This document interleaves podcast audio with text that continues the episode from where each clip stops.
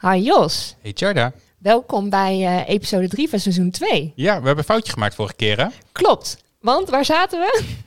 Ehm, wij eh, dachten dat we iets met eh, fotografie en eh, beeld gingen doen. Maar dat is helemaal niet zo, want we hadden dit al van, lang van tevoren ingepland. We hadden onze planning gewoon op orde.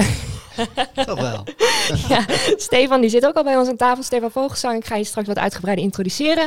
Eh Kirsten Lamberts eh, is ook bij ons, eh, ook virtueel. Ehm ga ik later ook wat meer over vertellen. Ehm, Jos, ik heb even een vraagje aan jou. Hoe zit het met jouw eh, digital well-being? Nou, wel redelijk, Ja? denk ik. Ja, ik weet niet. Ik ben nog steeds met een beetje een telefoonjunkie natuurlijk. Ja, Eh dat hoort ook een beetje bij wat wij doen overdag volgens Mhm. mij. En, maar ehm, eh, ja, ik heb het... Ik, ik vind je zelf een dat... e-mail. Nee, jij krijgt volgens mij een e-mail, of niet? Nee, Nee, ik, ik. niet. maar ehm, maar eh, eh, lekker professioneel dit. Nee, maar ik ben nog steeds een beetje verslaafd aan mijn telefoon. En daar wil ik wel Ja. wat, eh, zou ik wel wat kunnen minderen. Maar en jij? Ehm, nou ja, ik ga ook niet de goede kant op. Maar daar gaan we straks van eh, Stefan en eh Kirsten sowieso meer over leren. Ook met virtual reality. Ehm, ik zou zeggen, we gaan beginnen.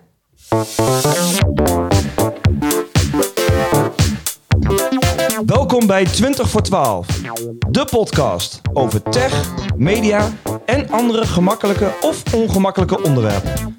We praten met vrienden van de show die ergens misschien wel iets vanaf weten. Speciaal voor Groningers en daarbuiten ook internationaal beschikbaar via het internet. Dit zijn je hosts Joshua Peper en Chada Polderman. Ja, hartstikke leuk. Daar zijn we weer. Ehm, wij hebben heel veel te doen vandaag. Het is een hele drukke show. Mega druk. Ik heb nog, we hebben nog nooit zo'n drukke voor, voorbereidingstijd en show gehad als dat deze dat is. Dat klopt helemaal, maar dat gaat goed komen. Eh, we gaan ook starten met eh, onze challenge. Ehm, die is al vanmiddag opgenomen, dus die gaan we in spelen, denk ik. En nou hebben we daar ook wel weer een heel leuk deuntje voor, hè? Mhm. Hey Jorik, Hey jongens. Hey. je zit weer eens aan tafel. Ja, leuk man dit. Ja, Ja, leuk. het is altijd een beetje op afstand geweest hè, de laatste tijd. Ja, maar we zijn nou eh, met de plexiglas. Ja, dit, is, eh, dit ziet er goed beveiligd uit zo. Ja. Ja, Dankjewel, dankjewel. Je hebt Eh, een nieuwe challenge voor ja ons. jongens, we, ik heb, eh, ik heb daad bij het woord gevoegd. Ik heb een gadget deze keer. Heel goed, heel goed. TikTok vonden we niet wat. Nee, dat, eh, dat was duidelijk. Eh Charlie, Komt het uit mag- het buitenland of niet? Ja, dit komt uit Amerika. Oh, Amerika. Wederom. Jos, ik geef hem alvast aan jou. Kun je Ja. alsjeblieft? Ik ga het openmaken. Het is, Een soort eh, van live demo dit, hè? Even kijken hoor, waar komt het vandaan? Dat is ook altijd interessant. Staat er niet op. eh, Een heel, heel eind weg in ieder ik geval. moet even zoeken. Volgens mij komt het uit Even kijken hoor, wat is dit? eh, New York. Komt dit. New York, oké. Wat is het? Lift it? Lift it. Mo- Lees ik dat goed of niet? het is een of ander apparaat voor op je hoofd, als ik dat zo zie. Je kijkt er ook echt heel moeilijk bij. Het Ja. heet eh, Lifted. Het lijkt wel een bril. Nee, maar dat is het niet. Kijk, want hij heeft het op zijn Oh. voorhoofd. Oh jeetje, wat Zie je? Dus het is een mind, Ja, mind, mind con- control is dit waarschijnlijk. of, of andersom. Dat je iets kan besturen met je, met je zo. dat zou echt cool zijn, hè? Is dat het of Dat niet? je gewoon nu eh, hier koffie krijgt, zeg maar, door er gewoon aan te denken. Ja, dat zou wel mooi zijn. Hè? Maar dan moet je ook nog eh, een robot hebben die het kon brengen. Ja, precies. Dat doet hij dan Ja. denk ik niet. Hoe kom Er je zit hier zelfs een tasje bij. Ik zal er eh, naar de kijkers thuis eh, zal ik het eh, vanavond eh, nog even voor de camera houden. Lijkt wel een soort Jeu de Boel setje of zo. Wat je Ja, hebt. ja, ja. Er zit ook een reinigingssetje bij. Kijk, hier. Och, och, Oké, och. Ja. Wat, eh, Jorik, wat is het? Wat is het? Wat kunnen we ermee? Nou, het is eh, eh, Lifted Neurostimulation. Spannend. Ja. Ja, het, is, eh, het zijn drukke, gekke tijden natuurlijk. En ehm, ik Mhm. dacht, we moeten iets hebben waarmee we gewoon eh, goede focus kunnen houden de komende, komende tijd. Ja? Ja. En dat is dit. En dit zet je dan op je voorhoofd. Juist. En dit gaat dan golfjes of zo door je hersenen sturen. Het is voor eh, recreatief gebruik, heb ik gelezen. Ja, dit is precies wat het moet, eh, Jos. Je Ja, ja, ja. je voorhoofd. Oh, Ik zet het op mijn voorhoofd en dan... En het helpt je dan om in een soort van maximale concentratie te komen. En eh, Oh, ik heb het ook aan nu. Ja. Het gaat een helpt- blauw lampje knipperen. het helpt je brein ook echt om daarin te komen. En als je dat goed oefent, dan, dan kun je dat dus zelf ook eh, oproepen. Dus het helpt je echt voor de lange termijn om jezelf beter... Zuignap. Het zit gewoon vast op. Wat gebeurt er allemaal? Eh, Ga jij hem ook als eerst testen, Jos? Ik vind het Ja, wel echt ik eentje voor jou. Volgens mij moet je, hem ook, moet je het ook koppelen met Bluetooth of zo. Er zit ook USB op. Er zal vast een app voor je telefoon bij zitten. Dat was met de laatste gadget ook zo. Ik weet dus ook, eh, dat is ook aan jullie natuurlijk. Ik weet Ja. natuurlijk totaal niet hoe het werkt. Eh, maar het schijnt, eh, het schijnt echt goed te zijn. En er zijn allemaal artsen bij betrokken geweest die, die, die dit ontwikkeld hebben. Ja, maar die kun je ook gewoon kopen, hè? Die artsen. Ja. Ja, ja, maar- nou ja, misschien vinden we het niks. Dat zou natuurlijk We hebben straks dus een arts aan tafel en die gaat er natuurlijk, eh, die hoort het ook. ik denk dan echt van, nee, nee, zo werkt het Eh, ik niet. ben benieuwd wat je ervan vindt. Het ziet er wel heel raar uit, Jos. Ja, het geeft, ehm, het geeft een soort eh, milde elektrische stimulatie. Ja, ik voel eh, het. In je, eh, ja, op je brein. Ik ben af. En het, het, eh, het geeft een soort van eh, brein eh, t- training eh, routine om eh, focus te verbeteren, eh, productiviteit en je geheugen. Moet je nagaan hè, Mm, dat je straks op kantoor zit en dat iedereen dit op zijn hoofd heeft zitten. Ja, Nee, maar je kan het dus, even kijken, je kan het dus trainen, 20 minuten per dag staat erop. Ja. En dan eh, krijg je eh, betere focus van. En eh, later heb je hem niet meer nodig. ja er staat ook op, dan moet je ook even lezen dat het er gewoon heel hip uitziet. Het ziet er echt Oh ja, ja, ja niet dat staat uit. er inderdaad. Ja. Ja. Ja, dat je er heel cool uitziet. Nou, dat, ja, dat weet ik niet hoor. Wat vind jij ervan, Charla? Ziet het er nou heel cool uit? Totaal niet. Nee. Ik wou dat mensen dit konden zien, want het ziet er zo belachelijk uit. Je af? je hebt ook twee- Hij zit ook vastgezogen. hè. Er zit een zuignap op. Hier, Ja, dat, Charla, hou maar dat vast. zit op je hoofd nu ook. Wacht even. Oh ja, ik zie het. Het is wel heel licht. Ja, het is heel licht, hè? Ja. Maar jij bent dus de eerste die dit gaat testen, Jos. Ik ga eh, tijdens de hele podcast ga ik met dat ding op mijn hoofd zitten. Maar dat kan niet, want ik heb een koptelefoon op. Dus ik kan niet Nee, allebei. kan er wel onderdoor. Ik weet, Oh, dus ja. niet, eh, ik weet dus ook niet hoe je dan de, wat dan de uitkomst is, zeg maar. Dus v- volgens mij eh, moet je het wel kunnen connecten of zo. Of, eh, zit ja, er zit, hier een, app bij eh, wat, eh, er zit hier een kabeltje bij. ja, Er zit ook een spiegeltje bij. Dan kan je kijken hoe je zelf dat ding Oh. op hebt. Zie je dat? Of die goed is. Hoe raar je eruit ziet. Nou, dit is wel, dit is wel heel grappig. Ja, want het past ook wel helemaal bij de episode van, eh, van vanavond. Dat is echt toeval. Dus dat heb Ja, je heel goed toeval. gedaan. Ja. Ik ben wel enthousiast over dit ding. Tenminste, zoals ik hem nu zie. De, de, dis, dis, het eh, disclaimer deel van de handleiding is langer dan de rest. Oh, dus dat is al een heel goed teken, toch? Oké. Nou, ik Ja, ben, ik heel ben benieuwd, jongens. Ik ben dus eh, heel benieuwd voor de volgende keer. Zeg maar. Ja. Het is niet echt een challenge, maar het is meer een soort test. Wat Eh, hoop je dat we eruit halen? Ik hoop dat het werkt. Ja, Ja. dan, dan neem je hem ook. Misschien hoop ik ook wel niet dat het werkt. Ik weet het echt niet. Je wilt in ieder geval dat iemand gewoon een week lang met zo'n ding op zijn hoofd rondloopt. Ja, we- ik zat erover na te denken. Ik dacht van ja, zou dat, misschien heeft het wel hetzelfde effect als bijvoorbeeld een kop koffie of zo, weet je wel? Of, of, of, eh, een biertje, eh, als dat, als dat je helpt om... eh, Wat hier ook op staat is een plus en een minkant. Dus het doet me ook een beetje denken aan een batterij. Ja, maar ze zetten ook een soort van stroompjes op je hoofd, hè? Het zijn elek- elektrodes. Nou, een lekker eh, computer en een schok krijgen. en dan hopen dat je lekker ontspannen Misschien bent. is het wel net zoals zo'n band die je vroeger had. Die kon je op Telcel kopen en die deed je om je buik heen. En dan ging je, ging je ja, daar buikspieren kreeg je aanspannen. sixpack van. Ja. dat was echt awesome, die dingen. Ja. Oh ja, ja, ja, ja. Misschien is dit wel hetzelfde verhaal. Nou, Jorik, hartstikke leuk. Ik ben echt eh, heel erg benieuwd. Ehm, nou ja, Jos, jij, jij gaat hem dus eerst gebruiken. En eh, als jij enthousiast bent, dan, dan wil ik hem wel op mijn hoofd. Nee, nee, nee, jij gaat het sowieso ook doen. Ja, je, je moet, Je moet ja, het sowieso ook doen. ja, zeker. oké. Je- ja, het ja, ziet er ja, nee, echt je moet sowieso, uit. eh, sowieso testen. En eh, ik denk dat het ook bij iedereen anders kan uitpakken. Dus eh, ja. Ja, goeie. je moet ja, testen. En ik, ik ben benieuwd. Misschien werkt het wel zo goed dat we straks allemaal met zo'n ding zitten. Het zou echt wat zijn. Dankjewel, Jorik. en eh, we, we spreken je over twee weken weer. Ja, veel plezier ermee. Doei. Ja, Jos, jij hebt hem op je hoofd. Ik heb hem in de tussentijd bij het terugspelen even op mijn hoofd gezet, inderdaad. En je krijgt dus een soort van schokjes. Ik krijg, Nu ook al? Ja, ja, in- op mijn hoofd. Krijg ik op mijn voorhoofd krijg ik een soort van... Voelt dat eh, fijn? Nee. Wat denk je zelf? Natuurlijk niet. het zou dus moeten helpen, toch? Nou, Ja, ik we vind- gaan het zien. Ik voor heb, de mensen eh, die eh, meekijken, Jos die zit dus met de Lift ID, of Lift It, Lift it. Ik weet Lift It op zijn hoofd en blijft de hele episode zo zitten. Vertel even. nou, hij, ga- hij doet twin- 20 minuten en Oh, dan eh, gaat hij weer uit, kwam ik achter. Oké, nou, mocht je straks je heel raar voelen, laat ons dat even weten. Ja, ja, ja. Ehm, we hebben nog veel meer leuks, ehm, want eh, voor de episode hadden we een verrassing Voor iemand. voor iemand. En dat hebben we ook opgenomen. Gaan we Verassing. een verassing. Gaan Ja. we ook, ja, dit wordt leuk. Eh, gaan we ook heel kort even terugspelen. Ehm, Eerst een stukje even. Eerst een stukje. En de rest kun je dan op die website bekijken. ja, komt-ie. Hi Lian de Boer. Hi. Hi. Wat, eh, eh, wat denk jij dat jij vanavond hier komt doen? Ehm, nou, tegen een microfoon aankijken. nee, ik, eh, ik laat me nog een beetje verrassen. Ik snap de setting, maar eh, Mhm. daar, daar stopt het ook wel bij. Ja, Hoezo, hoezo snap je de setting dan? Nou, dit heb ik vaker voorbij zien komen, deze tafel en hun twee daar aan. Oh, die Oh, setting. Zo, zo Die, ja. die, die setting snap ik. En ik heb die jou dan? ook wel vaak... Ja, ja, die mensen ken ik allemaal wel, maar... eh, En ja, en we hebben de... Joost, niet aan je microfoon zitten. Dat maak ik zelf wel uit. Oké. Maar eh, we hebben dus een hoogzwangere Li Li Lianne aan de tafel. ja. En jij ziet het vraagt niet, hoor. af eh, wat, eh, wat wij hier gaan doen.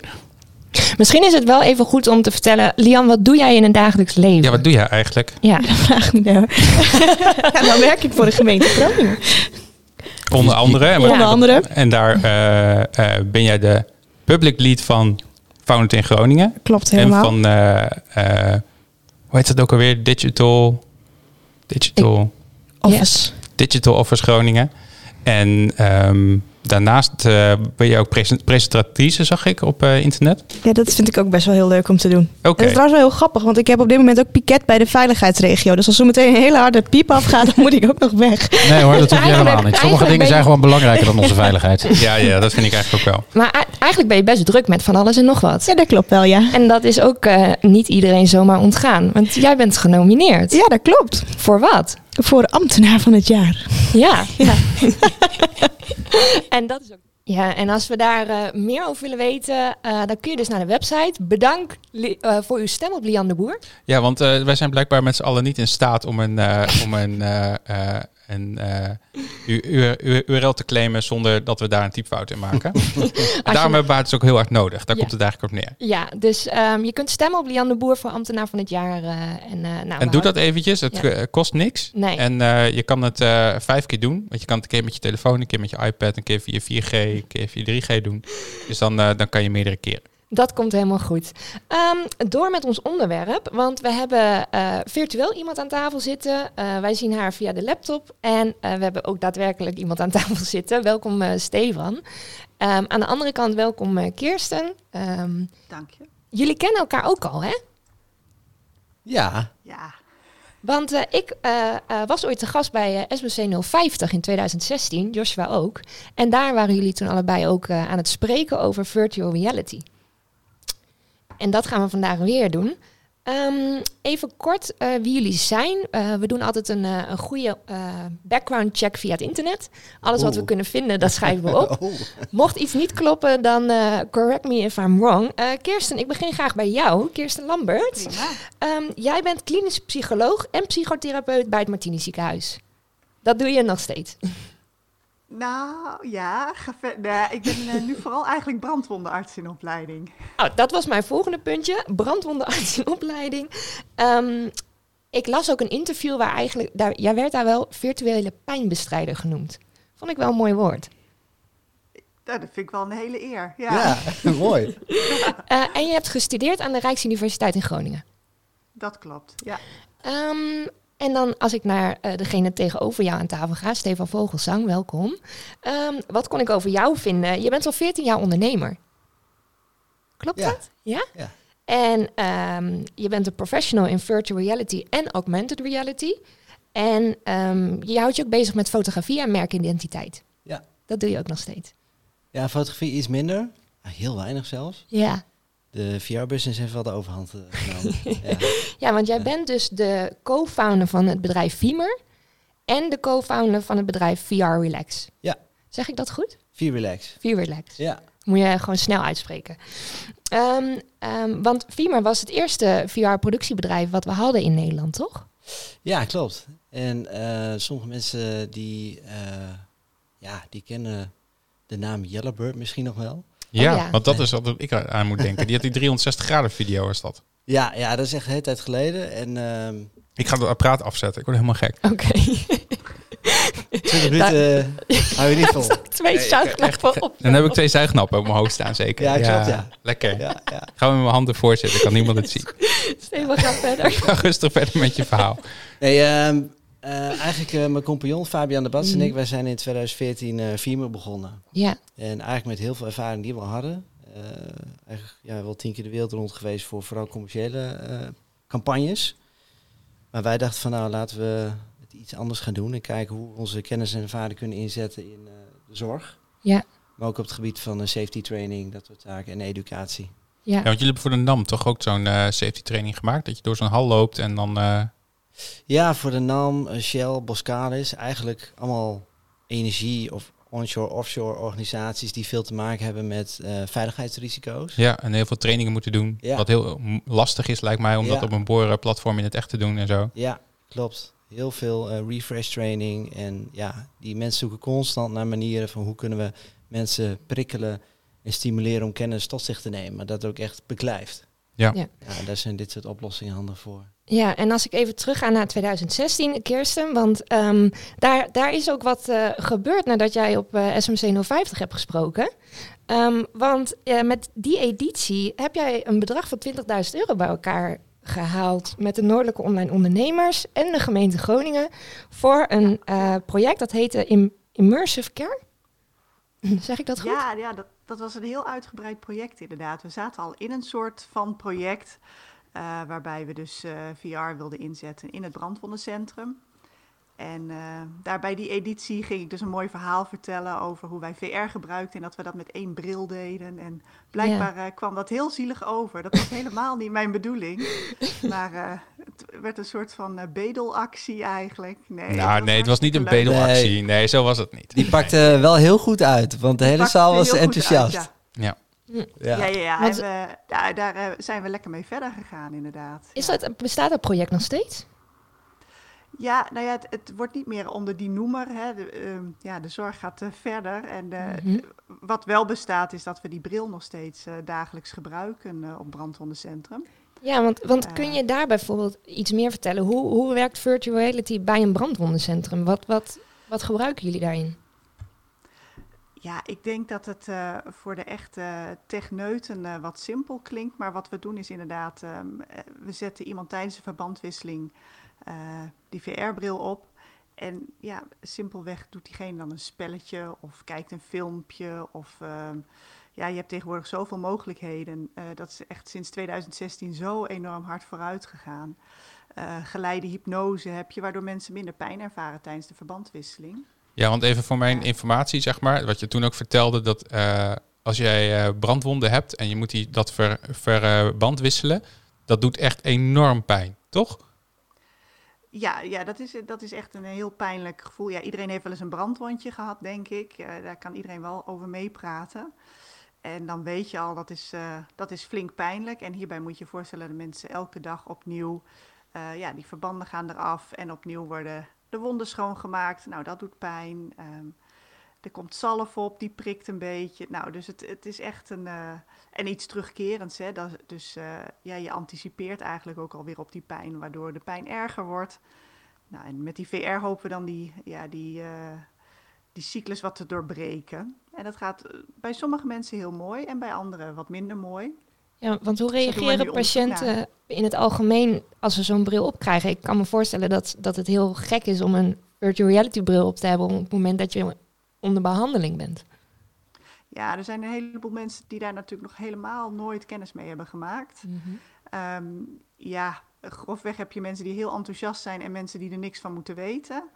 Eh, vooral kinderen vinden het geweldig en die, ja, die vinden het ook heel leuk. Die krijgen vaak ook de bril op als beloning na de verbandwisseling. Dan mogen ze nog even in de achtbaan of zoiets. Ja. En ehm, eh, ja, bij volwassenen is het toch vaak ook wel een drempel waar je ze overheen moet helpen. Dat is wel iets waar we tegenaan hikken. Want ik denk als, het, als je toestaat hè, je te laten meevoeren in die virtuele wereld, dan heb je daar zoveel baat bij. Maar volwassenen vinden het toch heel eng om ehm, het gevoel van controleverlies te hebben. En dat heb je wel door zo'n bril. Ja. Ja, en er zitten ook mensen aan je natuurlijk te- eh, eh, als je zo'n bril op hebt. En dan kun je dus niet Ja. zien dan. Nou, je kan die bril natuurlijk afzetten, maar Ja, ja, tegenwoordig kan dat dus heel mooi. Je kan echt even die bril kort afzetten en kijken. Maar de bril waarmee we begonnen, nou, die raakte dan helemaal in de war. En dan Ja. moest je hem weer opnieuw kalibreren. En dat was echt verschrikkelijk. En wat, wat voor bril was dat Eh. toen, toen, je, toen jullie ermee begonnen?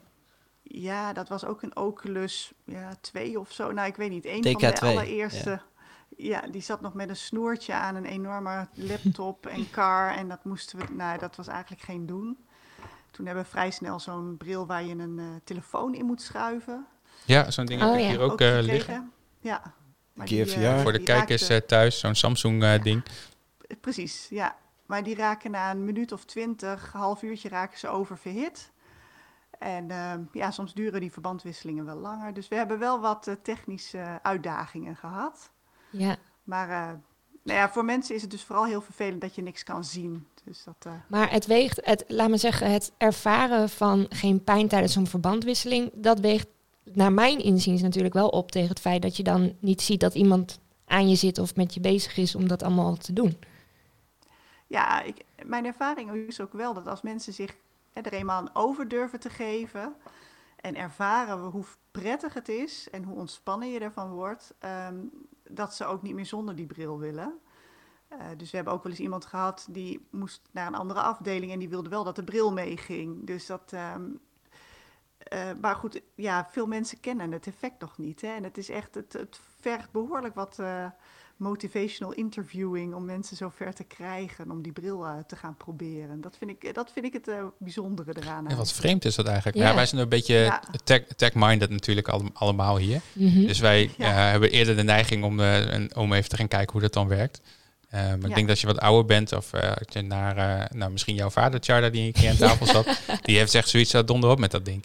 Nou, het is Ja, wel ja. grappig, want wij hebben altijd met kerst dus die Samsung Gear VR. En dat gaat dus de hele familie rond, omdat daar een horrorspel in zit. Maar Kirsten, ik denk niet dat mensen bij jullie een horrorspel spelen.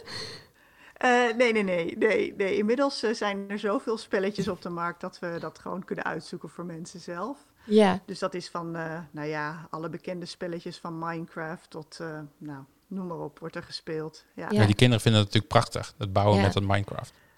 ja, ja, dat is echt, nou, dat is echt geweldig. Dat gaat zo super. Ja.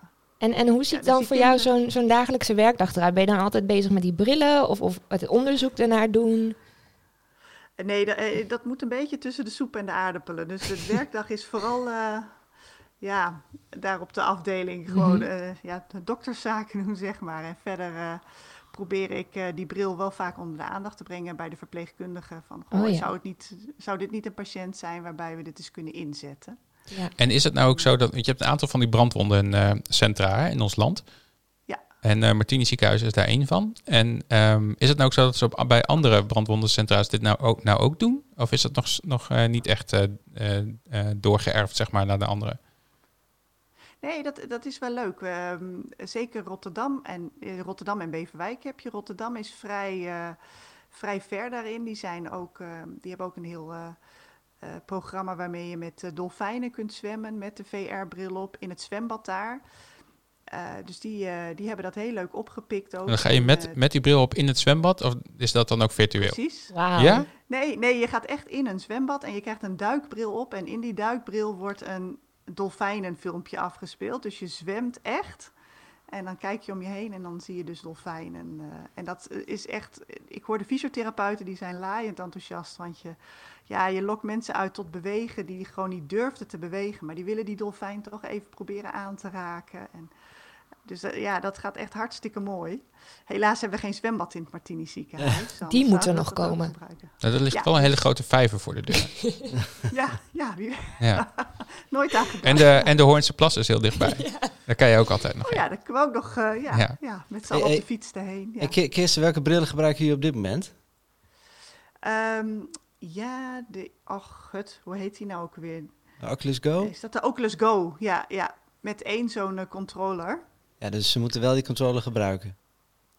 Ja, want eh, even Ja. voor mijn... eh, nou, ik, ik, ik weet het toevallig wel, maar zo'n Oculus Go, dat is zeg maar een helemaal op zichzelf staand ding. Ja. Eh, die werkt dus niet meer zeg maar zoals vroeger. ik weet nog wel met die eerste dingen. Je had ook eentje van HTC geloof ik. Heette die ding ook alweer? HC5. De HTC Vive inderdaad. En dan had je een game, game PC met een dubbele videokaart eh, en een kabel aan je hoofd. En, en allemaal van die camera's rondom je heen staan. En dan, dan werkt het pas. Ja. Heel gepiel was het altijd. Jeetje. Ja, dat was een setup eh, tijd als Dat een... was eh, een half uur of zo. En dan, eh, dan eh, kon je even in de lucht wat tekenen. Dat was het dan wel een beetje. Jeetje. Dat kan je toch niet voorstellen? Nee, en je was, eh, nou, wat was het, eh, 2.500 euro verder of zo.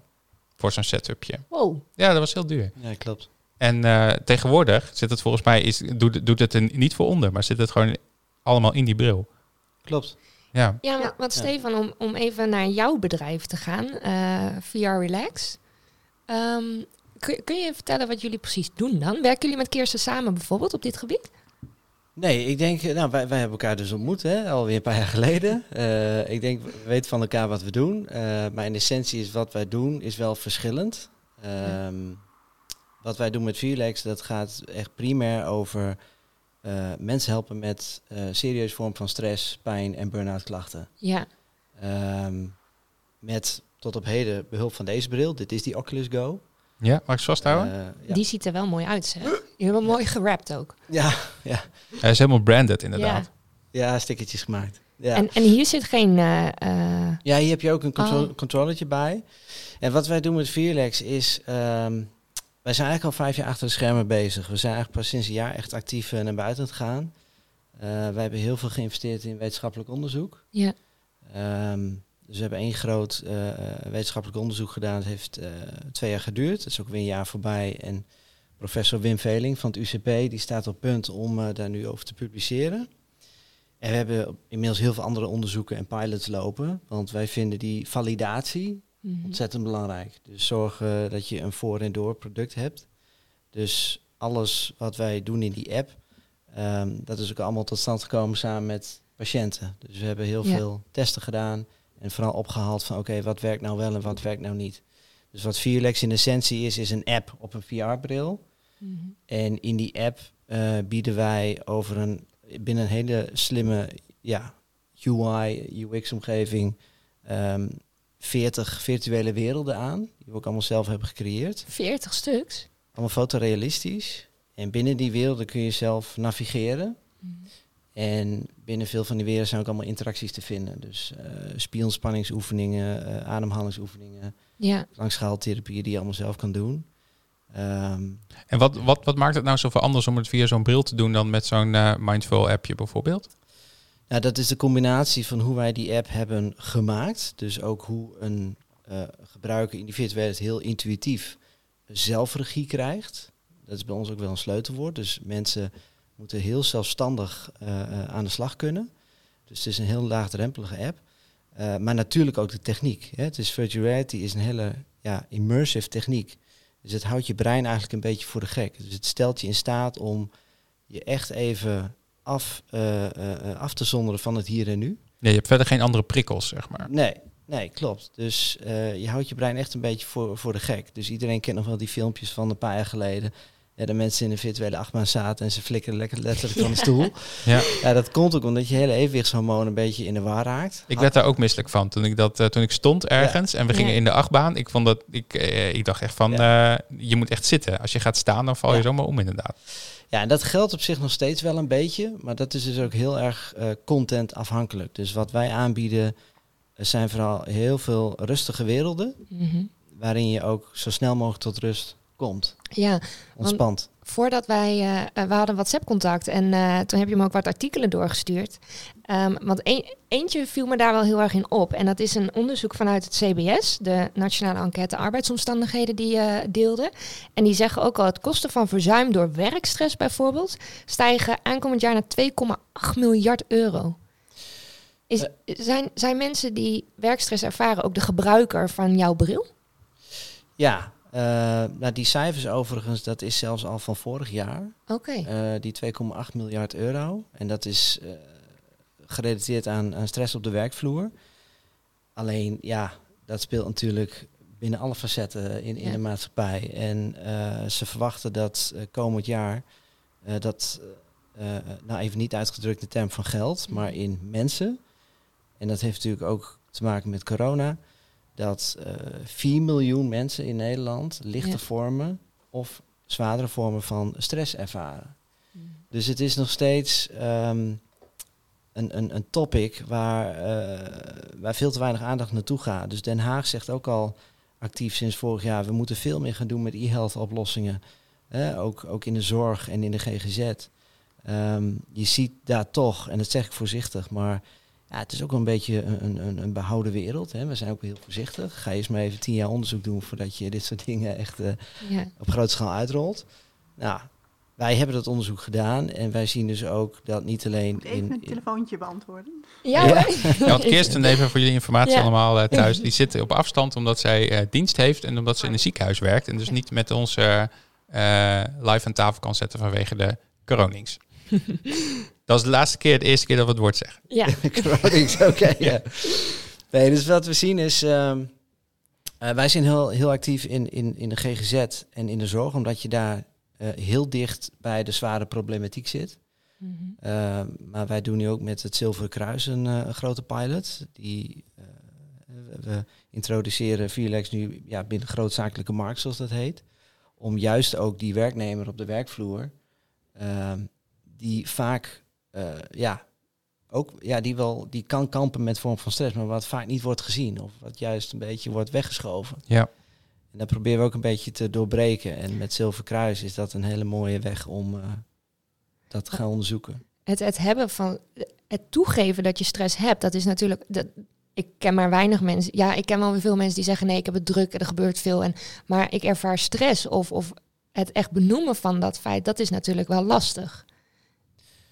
Ja, iedereen ervaart stress ook heel anders. Ja, En ehm, ja, vaak, kijk, wij proberen ook vaak in die preventiehoek te zitten. Dus tijdig signaleren ja, van oké, wanneer eh, dreig je tegen een serieuze vorm van stress aan te lopen of echt uitval. mhm. Ehm, maar dat is ook heel lastig te signaleren. En daar ligt ook een taak bij de mensen zelf. En er zit soms ook wel schaamte. En we zitten natuurlijk in de maatschappij van alleen maar performen, performen en doorgaan.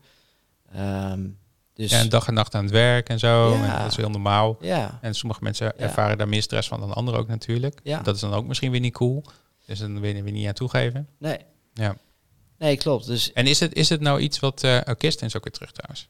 Ja, ik ben er weer. Ja.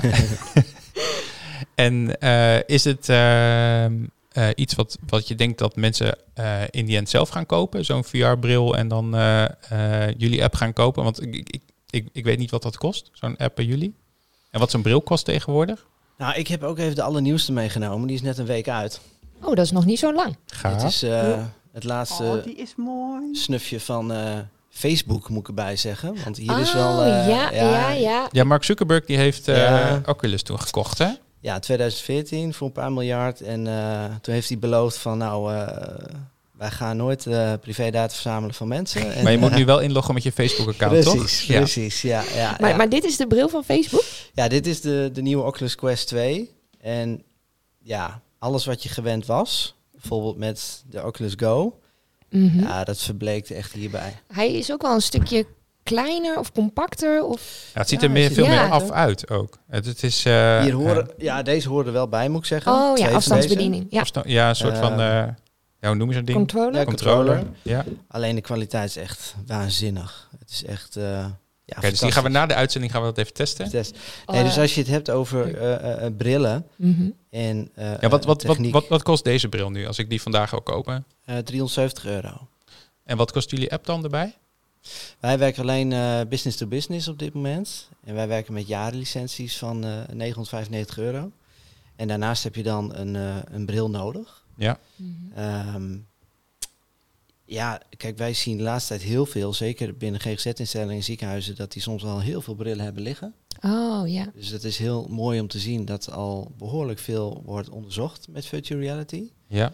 Maar een consument heeft dit niet zomaar 1, 2, 3 in zijn, in zijn woonkamer liggen. Alleen, Nee, die heeft al eerder zo'n ding voor de, voor de PlayStation, die ik toen ook een keer heb gekocht. Maar eh, die kwaliteit daarvan, nou, die was toen al minder dan, dan de andere commercieel Ja. eh, aangeboden brillen. Ja. Maar goed, ja, je prikt het in je PlayStation en het werkt. Dus dat is wel makkelijker.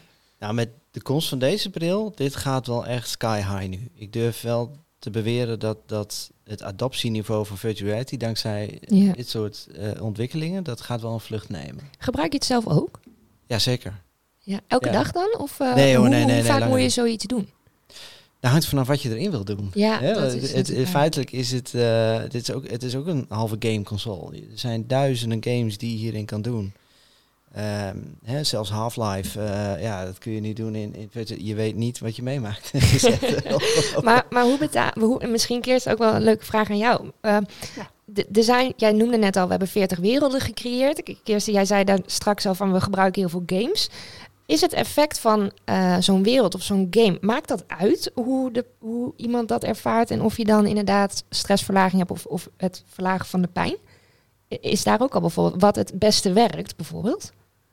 Eh, welke wereld het beste werkt bij pijn? Of, nou, we, ehm, ja, we hebben wel daar precies ook onderzoek naar proberen te doen. Maar eigenlijk wat daar vooral uitkomt is dat het heel belangrijk is dat mensen zichzelf daarbij betrokken voelen. Hè? Of, en dat ze ehm, ook deelnemen aan het spel. En dat, is, dat, ja, dat zijn al bekende...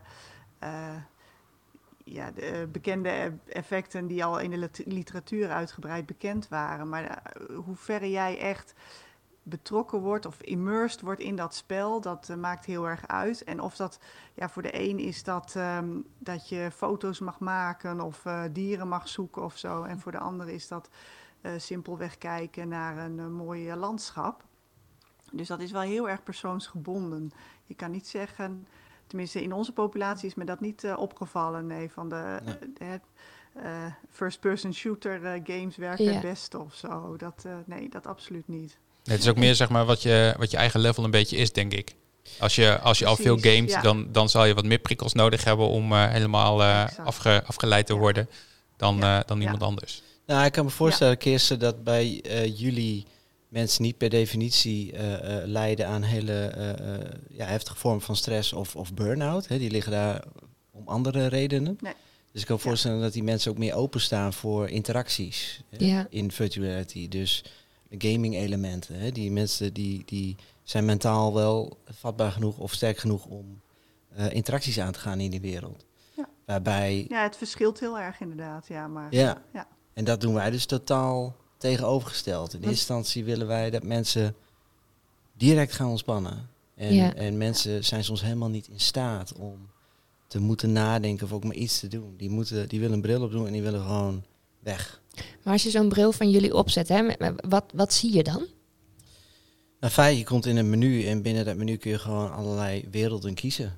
En je maakt een keuze en woem, je vliegt naar zo'n virtuele wereld in die En wat wereld. voor, wat, wat, wat voor wereld zit er dan bijvoorbeeld Oh, in? wat voor wereld? Ehm, ja, van, van, van stranden tot eh, nou, wilde dolfijnen. Eh, gebruiken jullie die ook niet? Die hebben wij in Egypte gefilmd. eh, die, Die dol, ja, ja, ja. ja, Ja. ja. Dat is, is, is dat dan gewoon eh, eh, 360 graden video, wat je dan eigenlijk Ja. afspeelt? Ja, dus eigenlijk eh, hè, op YouTube kun je ook 360 graden video's bekijken. Ja, op het Facebook eh, Jetstream-platform ook. Hoppakee. ja. Zo. Nee, dus, eh, nee, dat zijn 360 graden video's. Alleen die bril zorgt ervoor dat jij dus eigenlijk in een soort bol stapt. En jij kijkt rond in... in Ja, jullie eh, eh, projecteren die, die video in, eh, in een bol. Ja, en dus dan dat, kijk, je- eh, kun je rondkijken. Dus dat zijn allerlei onderwaterwerelden, eh, stranden, bossen. ehm, ja, ja, allemaal Ja. rustgevende werelden. Ik kan me wel voorstellen dat mensen daar. ehm, dat het ook wel verschilt per waar je rustig van wordt. Ik rij bijvoorbeeld wel vaak naar zee en dan ben ik best wel chill daarna. Maar sommige mensen moeten per se naar het bos om dat te kunnen ervaren. Ehm, eh, wie, ja, want je zegt net, we werken voornamelijk B2B. Ehm, hoe vinden mensen jullie? Ik kan me voorstellen dat het feit dat je zegt, oké, we gaan virtual reality toepassen voor, voor eh, deze uitdaging die we hebben. Hoe komen ze zozeer bij jullie terecht? Ja, wij, eh, wij hebben nu een, een, wel een forse marketingcampagne in de stijger staan voor de komende maanden. Maar dat moet dus ook, Ja. want het is gewoon zien en gezien worden. En eh, je moet zorgen dat je op de radar komt bij de juiste eh, beslissingsmakers. Ik denk dat dat wat het juiste woord is. Dus Ja. ook mensen binnen ziekenhuizen en GGZ-instellingen die snappen en begrijpen dat dit ook verandering kan brengen. En dat dit naast traditionele manieren van, van therapie of behandeling, dat dit echt een verlengstuk kan zijn. Dus wij pretenderen niet de oplossing te zijn of zo. Alleen wij, het is absoluut een, een serieus middel wat, wat kan helpen. Ja, En daar zit een hele filosofie achter. Ehm, nou ja, eh, ik, zeg, ik zeg vaak eh, meer brillen, minder pillen. Eh, want ook de gevolgen van medicatie en de kosten daarvan, dat, dat stijgt de pan uit. Dat is ook gewoon niet houdbaar in ons hele zorgstelsel. Dus onze taak is om echt gericht naar ziekenhuizen, GGZ-instellingen toe te gaan. En natuurlijk keihard via LinkedIn, daar zit onze Ja. doelgroep, Ja. hoger opgeleid. En, en eh, daar gewoon de juiste mensen vinden. Mhm. En ook publiciteit opzoeken. Ja. Vorige week waren we op één vandaag. Nou, dat is hele welkome reclame, zeg maar. ja. Ja, ik weet niet eh, per se of dat een eh, doelgroep is waar veel artsen en zo naar kijken. Nee, toch, nou, dat is goed dat je het zegt. Want eh, inderdaad, ons focus ligt op B2B. Eh, ja, je maakt gewoon strategische keuzes. We zijn een start-up, weet je wel. Eh, eh, je kunt Nou, alle media, media-aandacht die je kan krijgen is natuurlijk heel goed. Is welkom. Nou, Ja. wat we dus zagen na één vandaag is dat eh, letterlijk de mailbox ting, ting, ting, alles kwam binnen. Oh, wauw. Maar er zaten heel veel particulieren tussen. Oh, ja. En Maar ook echt schrijnende gevallen. Maar Dus kun je echt, daar al iets mee doen dan? Met, eh, voor nou die ja, mensen? dat, dat, dat heeft ons wel op scherp gezet. Van ja, we moeten daar iets mee. ja. Dus eh, we hebben verhalen gelezen. Nou, daar ga je nog net niet van janken. Mensen die van een kastje naar de muur gaan, uitbehandeld. eh, ja, hele Mm. bizarre verhalen. En zeg van mij niet uit wat het kost, geef het. Want Ja. ik weet het niet meer. Nee. Ehm, Maar dat is lastig, want hoe leg je een bedrijf uit die een bepaald bedrag betaalt voor een licentie? Eh, dat kun je niet in rekening brengen bij een eh, particulier. Nee, maar maar toch wil je hetzelfde aanbieden. Dus we Ja. zijn nog wel heel zoekende van hoe kunnen we daar een fatsoenlijk B2C-model in aanbieden.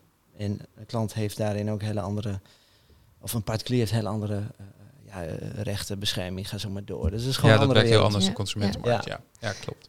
Want jullie zitten wel in Groningen en, en je zegt we zijn een start-up. Met hoeveel mensen werken jullie?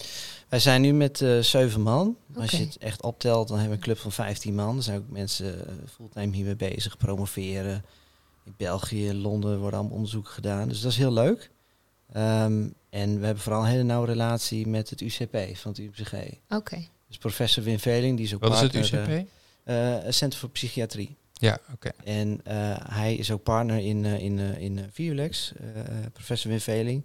En zijn onderzoeksteam, ehm, nou, dat is ook heel waardevol. Die, eh, zoals deze brillen, je hebt met hygiëneaspecten te maken. Dus we, Ja. we kunnen heel makkelijk schakelen met infectiepreventieteams. ehm, die onderzoek doen van, goh, hoe, hoe, hoe implementeer je en gebruik je ook zo'n bril? Mhm. Je kunt heel erg leuk nadenken over de inhoud. Ja. Alleen de vraag is vooral hoe wordt zoiets gebruikt? Hè? En eh, je hebt hier met een stukje hardware te maken. Of sommige mensen nog niet eens weten van wat, hoe doe ik dat ding aan.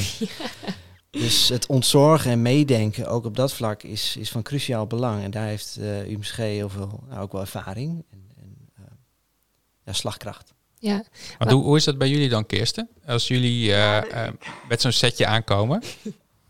Ja, ik lach al eh, lekker mee, want het, het klopt inderdaad. Dat is een van de grote uitdagingen, ook, ook voor personeel, ehm, om te, gewoon te leren werken met zo'n bril. Om op dat knopje te durven duwen en dan loopt hij vast of hij is niet opgeladen. Of, nee, dat soort hele simpele dingen. Ja, daar sta je denk ik, als je in die wereld zelf zit, sta je daar niet bij stil. Maar eh, ja, dat kost ons heel veel moeite om iedereen zover te krijgen, om ja, dat te durven doen bijna. Hè? Vind ik En- toch best wel raar.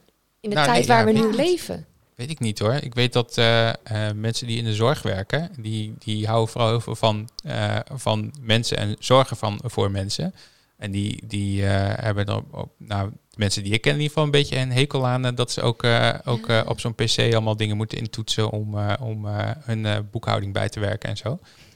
Ja, Nou, Ja, dat was dus- voor ja. sommigen ook wel een beetje de angst. Hè? Dat je een beetje bang bent dat je het contact met de patiënt verliest als die die bril op heeft of zo. Ja, die, die is ook een soort, een soort, soort van weg dan, toch? Precies, Ja, maar ja, je die merkt ligt daar wel, dat er maar, bij ja. mensen... Ja, maar die, er zijn een heleboel patiënten die juist samen met de verpleegkundige dan zeggen... ach, nou, ik heb nou toch iets moois gezien of die gewoon mee gaan praten. Dus Oh, ja, ja. het, is, het is gewoon een kwestie van ervaren. En dan, eh, Ja. ja. het is met alles in het leven. Hè, alle nieuwe dingen zijn een beetje spannend, maar als je er eenmaal aan, eh, ja, aan leert wennen... ja. Ja, wat ik eerder ook al zei, ook bij patiënten, als ze het eh, durven toestaan, dan kan het ze heel veel brengen. ja. En is het- is cynisch het- geloven, zeggen we altijd. En, eh, ja, en Ja, ja. is het dan ook zo dat jullie met alle medewerkers in de zorg zeg maar, dat dan ook oefenen? Dat jullie allemaal een keer zo'n ding opzetten om even te kijken hoe dat is? Ja, we hebben wel uitgebreide sessies gehad daarmee inderdaad. Ehm, t- ja, totdat eh, allemaal mensen inderdaad in de achtbaan gingen en daar ook weer misselijk van Oh, ja. werden. Dus eh, we moesten natuurlijk wel een beetje eh, ook vooral die dingen uitzoeken die leuk zijn. Ja. Ehm, maar ja, inderdaad, daar wordt uitgebreid mee geoefend. En dat is iets wat je telkens weer opnieuw moet doen. En je merkt ook, kijk, nu neemt de druk weer toe. En dan merk je, dan verschuift dat gewoon naar, naar de, ja, dan doe je daar niet zoveel meer mee. Hè. Die VR-bril, die ligt nu vaker gewoon ook stil niks te doen. Mhm. Omdat we gewoon, ja, de tijdsdruk neemt toe. Je hebt, ja, er moeten weer veel meer patiënten Ja. gezien worden. En dat is, ja, dat is heel jammer. En dan gaan er inderdaad eerder pillen in. Want dat kwam ook uit ons onderzoek. Dat eh, inderdaad minder pillen ingaan als mensen die bril durven opzetten. Wat, wat Ja. bizar, maar, maar zou je dan ook stellen, Kirsten, dat eh, virtual reality dan nog in de kinderschoenen staat op dit gebied? In de zorg zeker, ja. Terwijl je daar best al lang mee bezig bent. Ja, dat is soms ook wel wat frustrerend. Als ik dan terugkijk hoe lang we er eigenlijk al mee bezig zijn. ja. Ehm, dan, dan denk ik wel eens, nou ja, laat ook maar. ja, dat snap ik nou wel. Ja, soms gebeurt er dan weer iets moois waarvan je denkt, nou, misschien moeten we toch doorzetten. Ehm, eh, en en nou ja, hij- hij ligt er nog steeds. Of we hebben nu drie brillen liggen verspreid eh, over het centrum. En eh, ook wat meer in het Martini ziekenhuis wordt die nu toegepast. Dus Ja, het gaat wel vooruit hoor. Ik wil het niet heel somber schetsen. Maar het is wel iets waar je eigenlijk voortdurend eh, een beetje alert op moet zijn. Ja, Ja, want je hebt nu dus drie van die sets. Ehm, en eh, nou, wat we net al over hadden, die waren natuurlijk vroeger heel duur. Ehm, maar als je die nu weer zou moeten kopen en je zou dus eh, voor 20.000 euro van die brillen kunnen halen, dan kan je bij elk eh, bed in zo'n centrum kan je wel zo'n bril leggen. Precies, dan kan iedereen zijn eigen bril en dan heb je dat hygiëneprobleem ook een stuk minder. Ja, Dus ehm, ja, dat, dat is.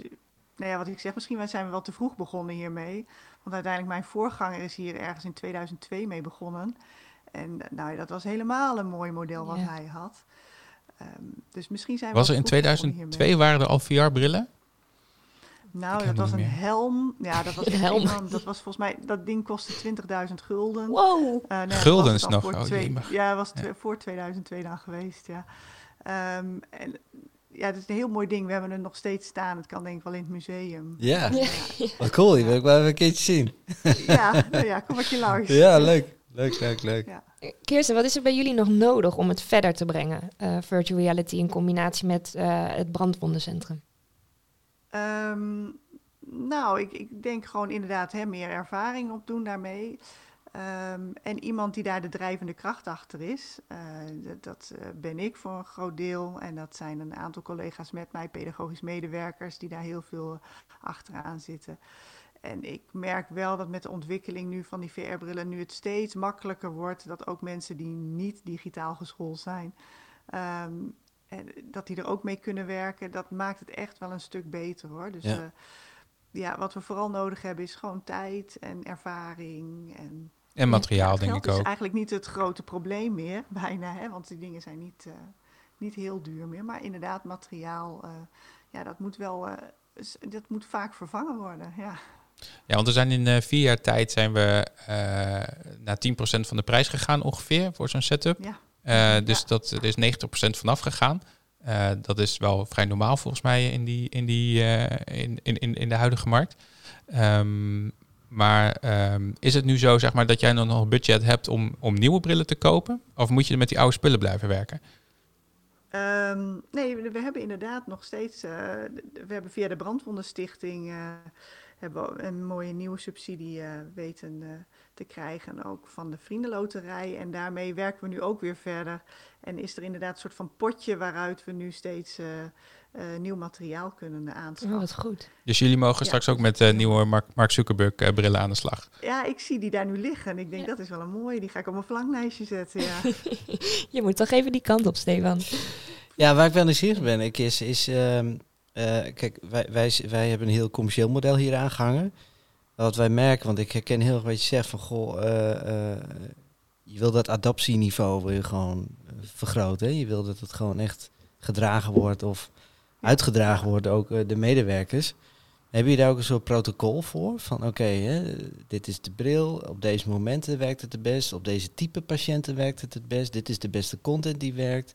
Ik, wij hebben geleerd dat als je dat heel erg gaat, gaat funnelen, zeg maar, dat behandelaren en ook beslissingsmakers ook veel beter eh, de vinger erop kunnen leggen van oké, eh, dit is de beste manier van, van hoe we het kunnen inzetten, maar ook hoe eh, mensen in die beslissingsboom zien van oké, eh, eh, zo, eh, verdien- zo winnen we ook tijd of verdienen we geld, Ja. weet je?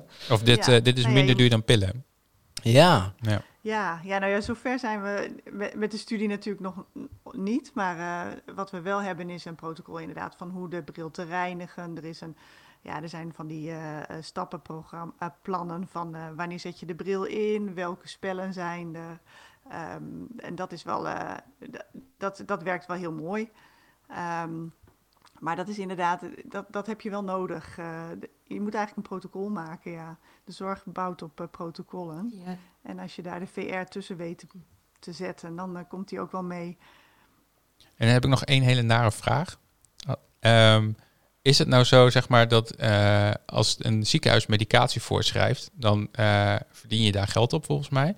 En als je dit voorschrijft, is dat, werkt dat dan ook zo? Mag je er ook een eh, vergoeding voor vragen bij de zorgverzekeraar of niet? Eh, er- wordt nog niks vergoed eh, door de zorgverzekeraar, nee. nee. Nee, dus het kost eigenlijk, eigenlijk alleen maar extra tijd nu. Ja, en dat is het natuurlijk het, het ingewikkelde. Hè? Ja, dus daarom gaat het er nu ook uit. Nu het drukker wordt, Ja. dan, ja, dan, dan Zonde. komt dat dus... eh, Maar is het zo? Want, want als jullie het toepassen, dan zijn jullie ehm, verpleegkundigen hebben ook even de handen vrij. Of, of is Nou het echt... die- nee, nee hoor, die, zijn, en die, zijn, en die gebruiken hem echt tijdens de Ja, verbandsoefening. oké, Dus wat, ja. Het is echt puur voor de, voor de patiënt. Ja. Eh, wat je hooguit zou kunnen zeggen is, nou ja, ze krijgen minder medicatie, minder kans op bijwerkingen. En dat zijn allemaal hele belangrijke dingen. Maar voordat je daarmee genoeg data hebt verzameld om een voor een zorgverzekeraar interessant te maken om een VR-bril te bekostigen. ja, ik ken toevallig iemand die regelmatig met het Zilveren Kruis praat. Ja. ja, nou het, het- dat is wel een heel traject inderdaad. Maar ik, eh, ik hoor absoluut wat, wat Kees zegt, want dat is wel ontzettend belangrijk. Want daar moeten we naartoe. Wij zijn ook met kosteneffectiviteitsonderzoek bezig. Want ja, dat is de manier om ook gewoon de vinger op de zere plek te leggen. Dat werkt. En Ja. uit te vinden van, oké, waar verliezen we tijd, waar, waar kunnen we die tijd winnen met zo'n bril? En ook letterlijk in eh, harde eurotjes, zeg maar. Ja, ja want, zo'n, eh, ja, want hoe je het ook went of keert, ehm, eh, een ziekenhuis is ook een commerciële organisatie. Tenminste, de Ja. eh, Martini wel. Ehm, en daar is, daar is ook niks, niks mis mee, denk ik. Ehm, maar bottom line, als het eh, te veel tijd kost, dan kost het het ziekenhuis te veel geld. En dan gaan ze dat, dat toch, eh, eh, gaan ze toch kijken of ze dat, eh, eh, dat rende, rende, rende- rendement omhoog kunnen krijgen. Ja, en Dus daar een- heeft ja. de hele VR-wereld nog een hele slag te maken. Dus eh, wij willen ook op den duur hè, gaan praten met de NZA, Nederlandse Zorgautoriteit. Je wil een soort keurmerk krijgen voor je product. Maar ja, heb je ook met CE-certificering te maken. Ehm, eh, maar inderdaad, wij doen nu een grote pilot met Zilveren Kruis.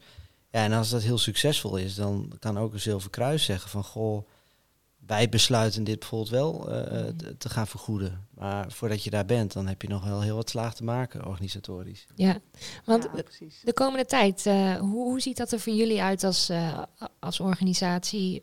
Wat staat er nu eh, hoog op de planning? En eh, Certificering. ja, Ehm, en dus die pilot met Zilver Kruis, dat, dat, dat, daar moet constant ook wel energie naartoe. Je moet eh, die partij heel goed bedienen met informatie om, ja, zodat ook hun klanten, eh, eh, hè, je moet je voorstellen, zij, klanten van hun zijn een Atos of een Ordina, een Oh, hele grote organisaties.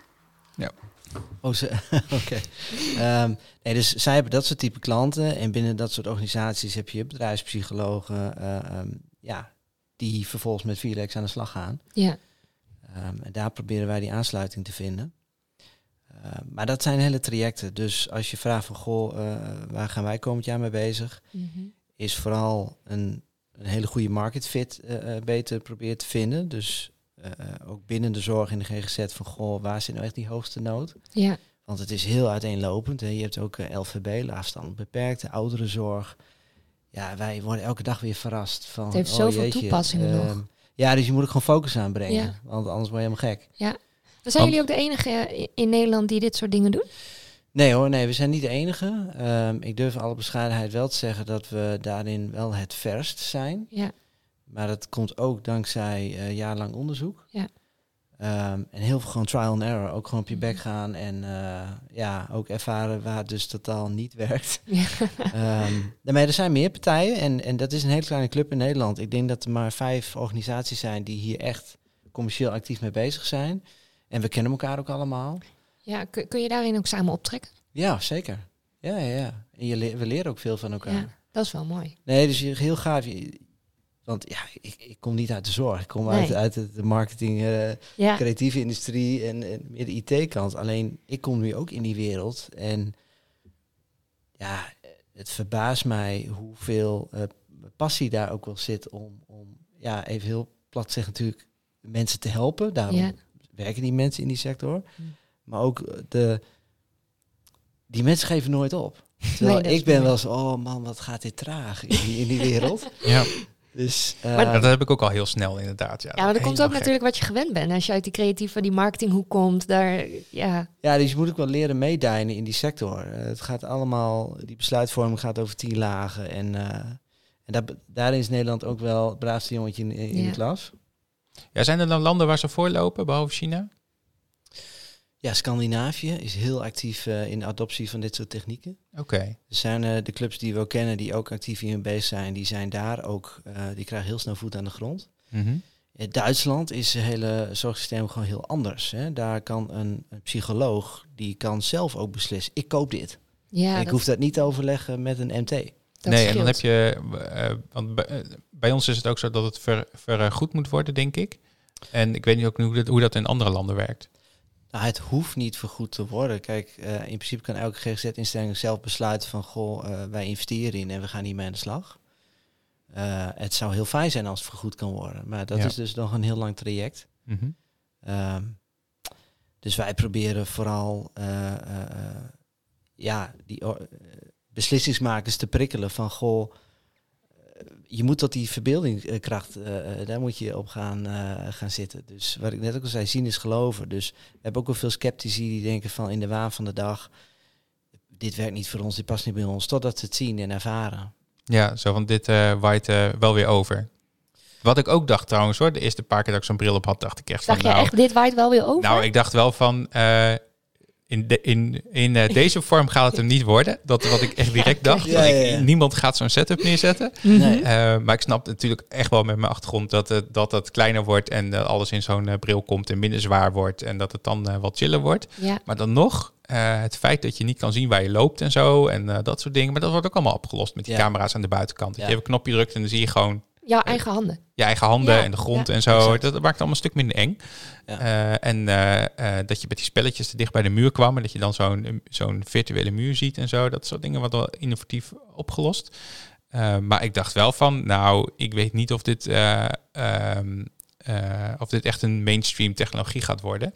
Ja, wat je ziet is dat VR wordt nu vooral echt hardcore geadopteerd in, in gamingwereld. Laat ik zo zeggen in de entertainmenthoek. Ja. Dus livestreaming, eh, eh, eh, muziekvideo's, natuurlijk gaming. Ja, daar is dit een Porno. fantastisch. Porno is Heel echt groot. huge. Ja, Echt heel Daar huge. kent iedereen het ook van. ja ik, nou, ik denk het wel. Ja. Ja, ja. Ja, het, Iedereen zegt dat gelijk. Oh ja, Ja. dat is, eh, nou ja. goed. Nee, maar net zoals met de VHS, weet je. Ik bedoel, eh, eh, eh, porno was de eerste industrie die hier bovenop dook. En die Ja. dacht, hier gaan we serieuze dingen mee doen. Ehm, Net als het gewoon internet trouwens, dat is het ook. Ja, Ja.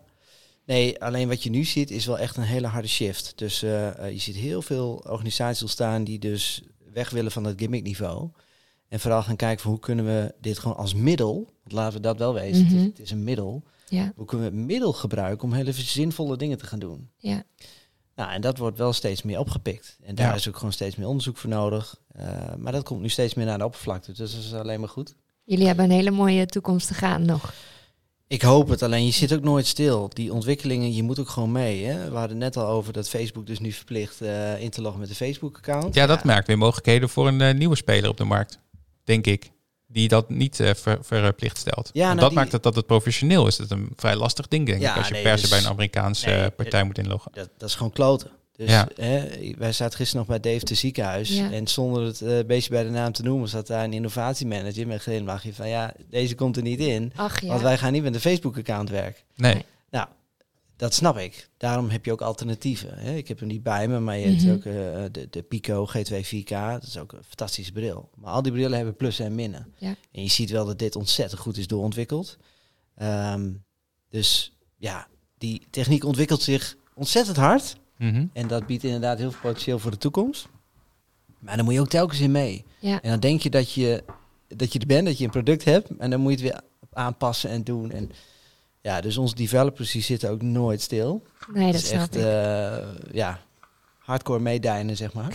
ja. Maar wel heel leuk. Volgens mij eh, een hele interessante eh, ja, ontwikkeling die, eh, die op dit moment ook gaande is. Ehm beetje daar gelaten, we, we gaan ook wel weer hard met de tijd. Eh Kirsten, je bent ook weer terug, hallo? Ik ben terug en ik moet weg. Dus, Ik wou net Oh, zeggen, volgens mij moet jij aan het werk, of niet? ja, ja, helaas, nou, super helaas. bedankt voor je tijd. En eh, eh, we spreken gedaan. elkaar nog. eh, en dankjewel. Is goed. Werk Succes. vanavond. Succes. Doei, werk zo. Doei. Ja, ja, dat kan gebeuren hè, als je avonddienst kan hebben. Ja, ja, want dat hebben we met onze volgende, volgende podcast aflevering hebben we ook, ook issues mee. Hè? Ja, klopt. Maar klopt. goed, dat, daar hebben we het straks wel even over. Ehm, we hebben ook nog eh, wat eh, onderwerpen te gaan buiten eh, dit nog eh, afronden. Eh, Jos, hoe zit het met jouw eh, nieuwe telefoon? Die heb ik besteld. iPhone 12. Ik wou net, heb jij de iPhone 12 besteld? Ja. dat- Jeetje. maar eh, dat is toch niet zo raar? Ik had al drie jaar lang had ik een iPhone eh, eh, 10. Of X, zoals ze dan noemen. En jij moest, jij moest een nieuwe iPhone hebben. Ja, is niet helemaal zo goed meer. Accu niet helemaal lekker meer. Schermpje een beetje Oh, barstje ja. in. Ja, van dat ja. soort dingen. Hij ligt hier ook aan de oplader naast me. Ja, want hij was weer leeg natuurlijk. Ehm, en ik doe er niet eens zo heel veel mee. Dus ik, nou, dat... Maar goed, ehm, dus hij was eh, economisch eh, is, hij, is het klaar. Dus toen moest er een nieuw komen. En onze columnist Wilbert, die, die heeft daar ook zijn... Die had daar zijn mening over. ja, die had daar zijn mening over. Laten we daar even naar luisteren. Kapotalisme. Hoi, ik ben Wilbert. Misschien ken je het wel. Kapitalisme. Ik denk dat het tijd is voor iets nieuws. Want door het kapitalisme is het normaler om steeds maar iets nieuws te kopen in plaats van je oude spullen te repareren. En dan zeg jij, maar een oude iPhone repareren is duurder dan een nieuwe kopen. Idioot toch? Het kapitalisme is erbij gebaat dat we constant nieuwe producten kopen. Nieuwe laarzen, nieuwe telefoons, nieuwe auto's en nieuwe wat dan ooks. En zo werd er deze week weer een nieuwe iPhone gelanceerd, die eigenlijk niet zo heel veel meer doet dan mijn SE uit 2016. Behalve dan dat hij nog verslavender is. Een oud product dat we opnieuw oplappen brengt geen geld in het laadje van de aandeelhouders. Dus wordt het niet gestimuleerd en dat is zonde. Want daardoor kunnen onze telefoons maar lastig langer mee dan een paar jaar. En wil je je oude exemplaar toch repareren, dan is dat bijna net zo duur als een nieuwe telefoon. Of je telefoon is na een reparatie bij de telefoonboer op de hoek niet meer waterdicht. Want dat wil de fabrikant niet aan een ander overlaten en daardoor kan je geen filmpjes meer kijken onder de douche. Sowieso een first world problem, maar ja. Wat we daarmee vergeten zijn, zijn die geëxternaliseerde kosten. Wat kost het om een telefoon uit elkaar te halen? Wat kost zo'n nieuwe aan materialen? En hoeveel duurzamer zou het zijn als we dingen gewoon repareren? En dat iedereen dat kan doen in plaats van alleen een paar mensen die de grootverdieners ook weer betalen. Het is natuurlijk allemaal idioot. En het kapitalisme en een falende overheid, want die maken er geen beleid voor, zorgen daarvoor. De enige waarde die we nu lijken te zien is het geld dat naar een bedrijf toe gaat. Niet de schade die je de aarde bespaart of ander moois dat je aan de wereld schenkt. Dus, terwijl we op wetgeving vanuit de overheid wachten, stap over jezelf heen en bestel gewoon geen nieuwe telefoon. Rot op met het kapitalisme. Heb jij een tegenwerping zoals. Maar onder een terrasverwarmer kan ik tenminste buiten zitten? Of. Het neoliberalisme is gewoon mijn vriend. Stuur me dan een bericht op Twitter. Ik heet er ik wil pret. Volgens, volgens mij moet je even twitteren met eh, ik wil pret, Jos. Ik heb uitgebreid al met hem ge eh, WhatsApp. Maar ehm, eh, ja, ik ben het op zich wel met hem eens. Het is natuurlijk Ja. redelijk bizar dat het, dat het bijna 500 euro kost om mijn telefoon te repareren. Ja, Terwijl als je die op Marktplaats zou verkopen en hij zou nog helemaal goed zijn, dan is hij misschien nog 250 euro waard. dat is zeker waar. Ja, maar dus dat is dan, met alles. ja nee, maar dat, dat, is het, dat is ook een beetje het punt wat Wilbert maakt volgens Mhm, mij. Dat is ja. inderdaad met alles. Ja. En laatst had ik een snoer van een lamp kapot. En eh, toen zat hij helemaal met eh, hars, zat, die, eh, zat dat snoer in dat, in dat eh, standaardje vastgegoten. Daar kun je ook niks mee. Nee, dus daar kun je helemaal niks meer mee. Dus ja, dat- zijn van die dingen van, als we het nou even iets anders maken, dan, dan kan je nog wel even een nieuw snoer eraan schroeven. Toch, En dat- toch hebben we het zelf gecreëerd, toch? Dat, dat hebben we uiteindelijk allemaal zelf gecreëerd. Ja, door eh, dat we voor een dubbeltje op de eerste rang willen zitten. En eh, de kwaliteit moet steeds beter. En je telefoon moet waterdicht zijn, inderdaad. Want, eh, maar dat maakt het repareren weer lastig. Nou, enzovoort, enzovoort, enzovoort. Ik denk dat jij wel een cocktail kan gebruiken. Uh, moet ik een cocktail maken? Is dat de hint? Dat is zeker de hint. Oké, ik ga dat doen. Ehm, de, eh, de column van Wilbert is uiteraard terug te lezen op onze website zometeen. Dus dat eh, gaan we nog delen. Ja, jij gaat gaan, Erik bellen, denk ik. We gaan even bellen met de stockroom. Oké, ik ga rennen en dan ga ik de spullen pakken. Oh ja, is helemaal goed. Nou, dan bellen wij ondertussen met Erik. Ehm, even kijken of die dan overgaat. Als het goed is. Ja, kijk, daar horen we hem al. Techniek, hè? Mooi dingetje. Ja, hè? Ja. Ja, dit gaat echt top. Met Erik. Hey Erik, met eh Charda van 20 voor 12. Hey, hi. Hey, welkom. Je bent in de show. dankjewel. Hoe is het bij jullie? Hoe is het bij de stockroom? Ja, het is nu nog, eh, nu nog rustig, maar eh, we hebben gisteren een goed bericht gehad. Dus eh, we zijn weer, eh, weer druk bezig met nieuwe, nieuwe ontwikkelingen. Ja, want eh, ehm, onder andere eh, afgelopen weken zijn we gestart met een merchandise via de webshop. Dat, is, eh, dat gaat al Ja. volgens mij hartstikke lekker. Ja, dat loopt hartstikke hard. dat gaat hartstikke goed, Vooral de sokken. De sokken zijn heel populair. Ja, die zijn tof, hè? Ja, die zijn heel Ja, die wil ik leuk. eigenlijk voor mezelf ook nog even bestellen. Ik wou net zeggen, heb jij ze al? Nee, nog niet, Maar, maar ik ga eh, het wel bestellen. Ja, jullie zijn ook meer. Jos gaat ondertussen jullie cocktail maken. Jullie zijn meer aan het doen op dit moment. Ehm, want Ja. we, hebben de, we hebben al een sneak peek gehad van de cocktailbox, die eh, ook vanaf eh, morgen op de website te koop zijn. Ehm, en, Ja. en daar gaat nu de eerste cocktail van gemaakt worden. 49,95 toch? Ja, 49,5 eigenlijk. En Er zit ook een dus stukje gewoon- sinaasappelschil in. Moet ik daar nog wat mee? Ja, dat is de garnering. Eh die Oké. de garnering Ja, inderdaad. check. Want eh, eh, hoe zit die box in elkaar, Erik? Kun je daar ons eh, wat meer over vertellen? Ja, we hadden in de vorige lockdown gingen we ook wat bezorgen. En dat hadden we in een beetje ja, alternatieve dozen bezorgd. En toen dachten we van, ehm, toen we open gingen, we moeten dit weer een beetje gaan, eh, eh, ja, wat beter gaan maken. Dus toen eh, heb ik een beetje onderzoek gedaan. En Ja. ja. ja, we hebben nu een cocktailpakket gemaakt met vijf verschillende cocktails daarin. Ehm, waar uiteindelijk ook een eh, flyer bij in komt met hoe de cocktails dan door de gasten zelf eh, gemaakt kunnen worden thuis. En eigenlijk zit er alles bij in. Dus we maken zelf de hele cocktails al voor in de stockroom. Die gaan we dan in, die, eh, in de bottles doen, in de flesjes die jullie ook hebben gekregen. Ja, Ehm, hele kleine glazen kleine flesjes zijn dit inderdaad. En eh, er staat Ja. eh, eh, op wat erin zit. Ja, er staat op wat erin zit. En dan bij de, zijn er twee eh, cocktails, zijn straight-up cocktails. Dus die heb je eigenlijk eh, geen eh, andere soda's of tonics voor nodig. Ja, die hebben we En nu eentje van. daarvan zijn- Ja, dat is de Bobby's Negroni. oh, ruikt lekker Ehm, zeg. ja. Ja, heerlijk. Ja, lekker. beetje bitter wel. Dus eh, ja, nee. eh, en, en de andere worden afgetopt met eh, tonic of met een soda of eh, met een eh, andere Pinky Rose. Dus dat in dit geval soda. Ehm, ja, en die, ja, die proberen we een beetje aan de man, man te brengen. En eh, die Ja. gaan we ook bezorgen. En die gaan we ook aan eh, voor kerstpakketten zijn die eh, heel goed geschikt voor, eh, voor cadeautjes, eh, verjaardagen, eigenlijk alles wel. Zo haal je de stockroom gewoon naar huis. In huis. In lekker. huis. Precies. Kun je op zondagochtend in je bed, Ja. kan je gewoon lekker een cocktail pakken uit een doos. Heerlijk. Ja. Ja, want dit wat is dan eh, dit is inderdaad de Bobby's Gin of de Bobby's Negroni die wij dan nu hier eh, op tafel hebben. Ehm, ik zou hem ook even voor de Ja. livestream houden. Hij, is, hij heeft een mooi kleurtje. Ehm, maar mensen kunnen echt met de box kunnen ze het echt zelf thuis maken. Ze hoeven niet jullie ook nog in huis te halen en eh, in de keuken te zetten en dan te denken van nou dan Dat komt mag altijd. dat mag ook altijd. Ah, dat lijkt me niet verkeerd. maar ze Nee, kunnen het echt zelf. In principe hebben we het helemaal, helemaal voorgemaakt.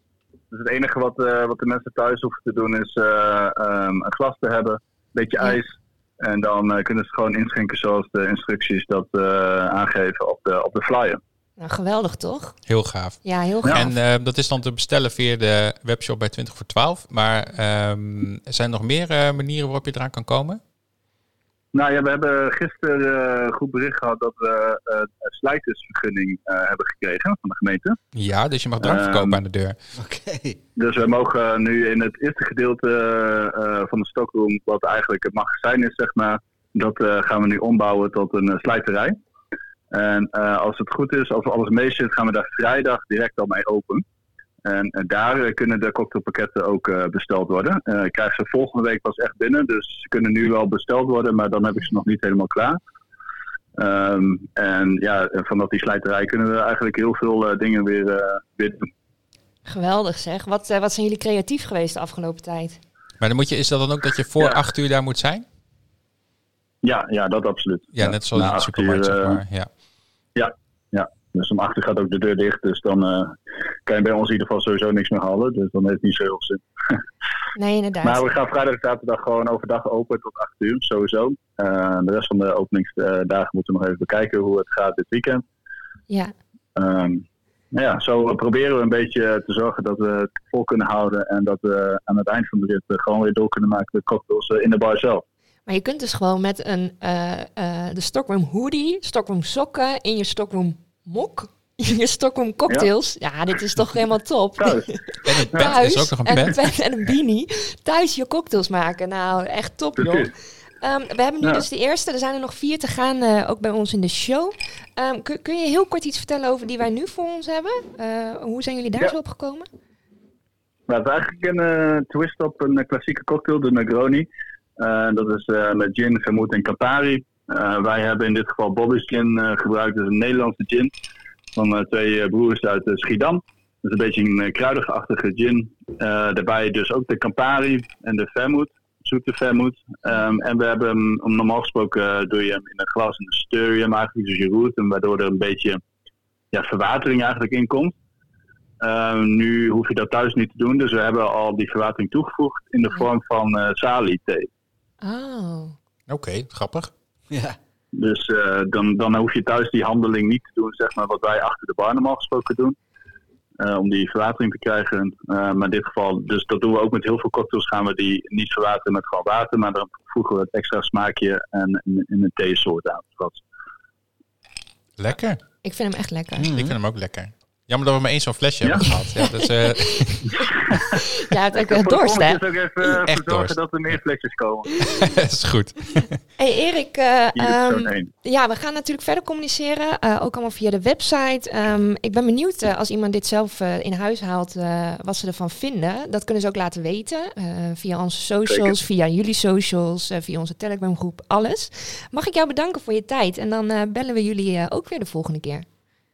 Graag gedaan en jullie ook eh, heel erg bedankt. Ja, super. Hartstikke leuk. Tot snel. Dankjewel. Oké, hoi. doei, doei. Jeetje, wat leuk allemaal. Ik Zel- vind- zelfs de ijsklontjes hebben een patroon. Of komt dat uit jullie eigen vriezer? eh? Nee, nee, nee. Dit komt ook. Zij, komen dus Ja, hier, zeg maar, en ze leveren dus het drankje Klopt. en de ijsblokjes en alles. Eh, daar krijgen we erbij. Lachen. Het Perfect. is echt de full experience Ja, wat je nu precies. hebt. Ja. Ja, ja. Nee, dan zijn we ook alweer aan het einde gekomen van onze show. We hebben nog wat ehm, eh, te bedanken. In die zin, eh, eh, iedereen bedankt voor het eh, aanschaffen van onze merchandise. De truien, de mondkapjes die zijn besteld. Hartstikke leuk. Volgens mij loopt iedereen helemaal branded met de zijn, martini er zijn sowieso een aantal mensen die helemaal branded erbij lopen, volgens mij. Ja. Ja, ik had beloofd om de volgende episode helemaal branded aan tafel te gaan zitten. de volgende ga je dat Ja, doen. ja, ja, ja. Dus, Met dat- de broek en de, broek. hoodie. Ja, Ja, alles. geweldig. Ook de stickers. ehm, nou ja, ook alles nog weer eh, De stickers zijn nog steeds in de aanbieding Ja, voor ja, 1 ja. euro. staan ook weer in de shop. Ja. Ehm, eh, als we dan even hebben over onze socials. Volg ons op Instagram, Twitter, LinkedIn zijn we ook te vinden. Eh, stond leuk op onze cv. We hebben een Telegram groep. Kun je ook altijd in. We zijn heel actief. Hartstikke leuk. Ehm, het is ook gratis, dus waarom zou je het niet doen?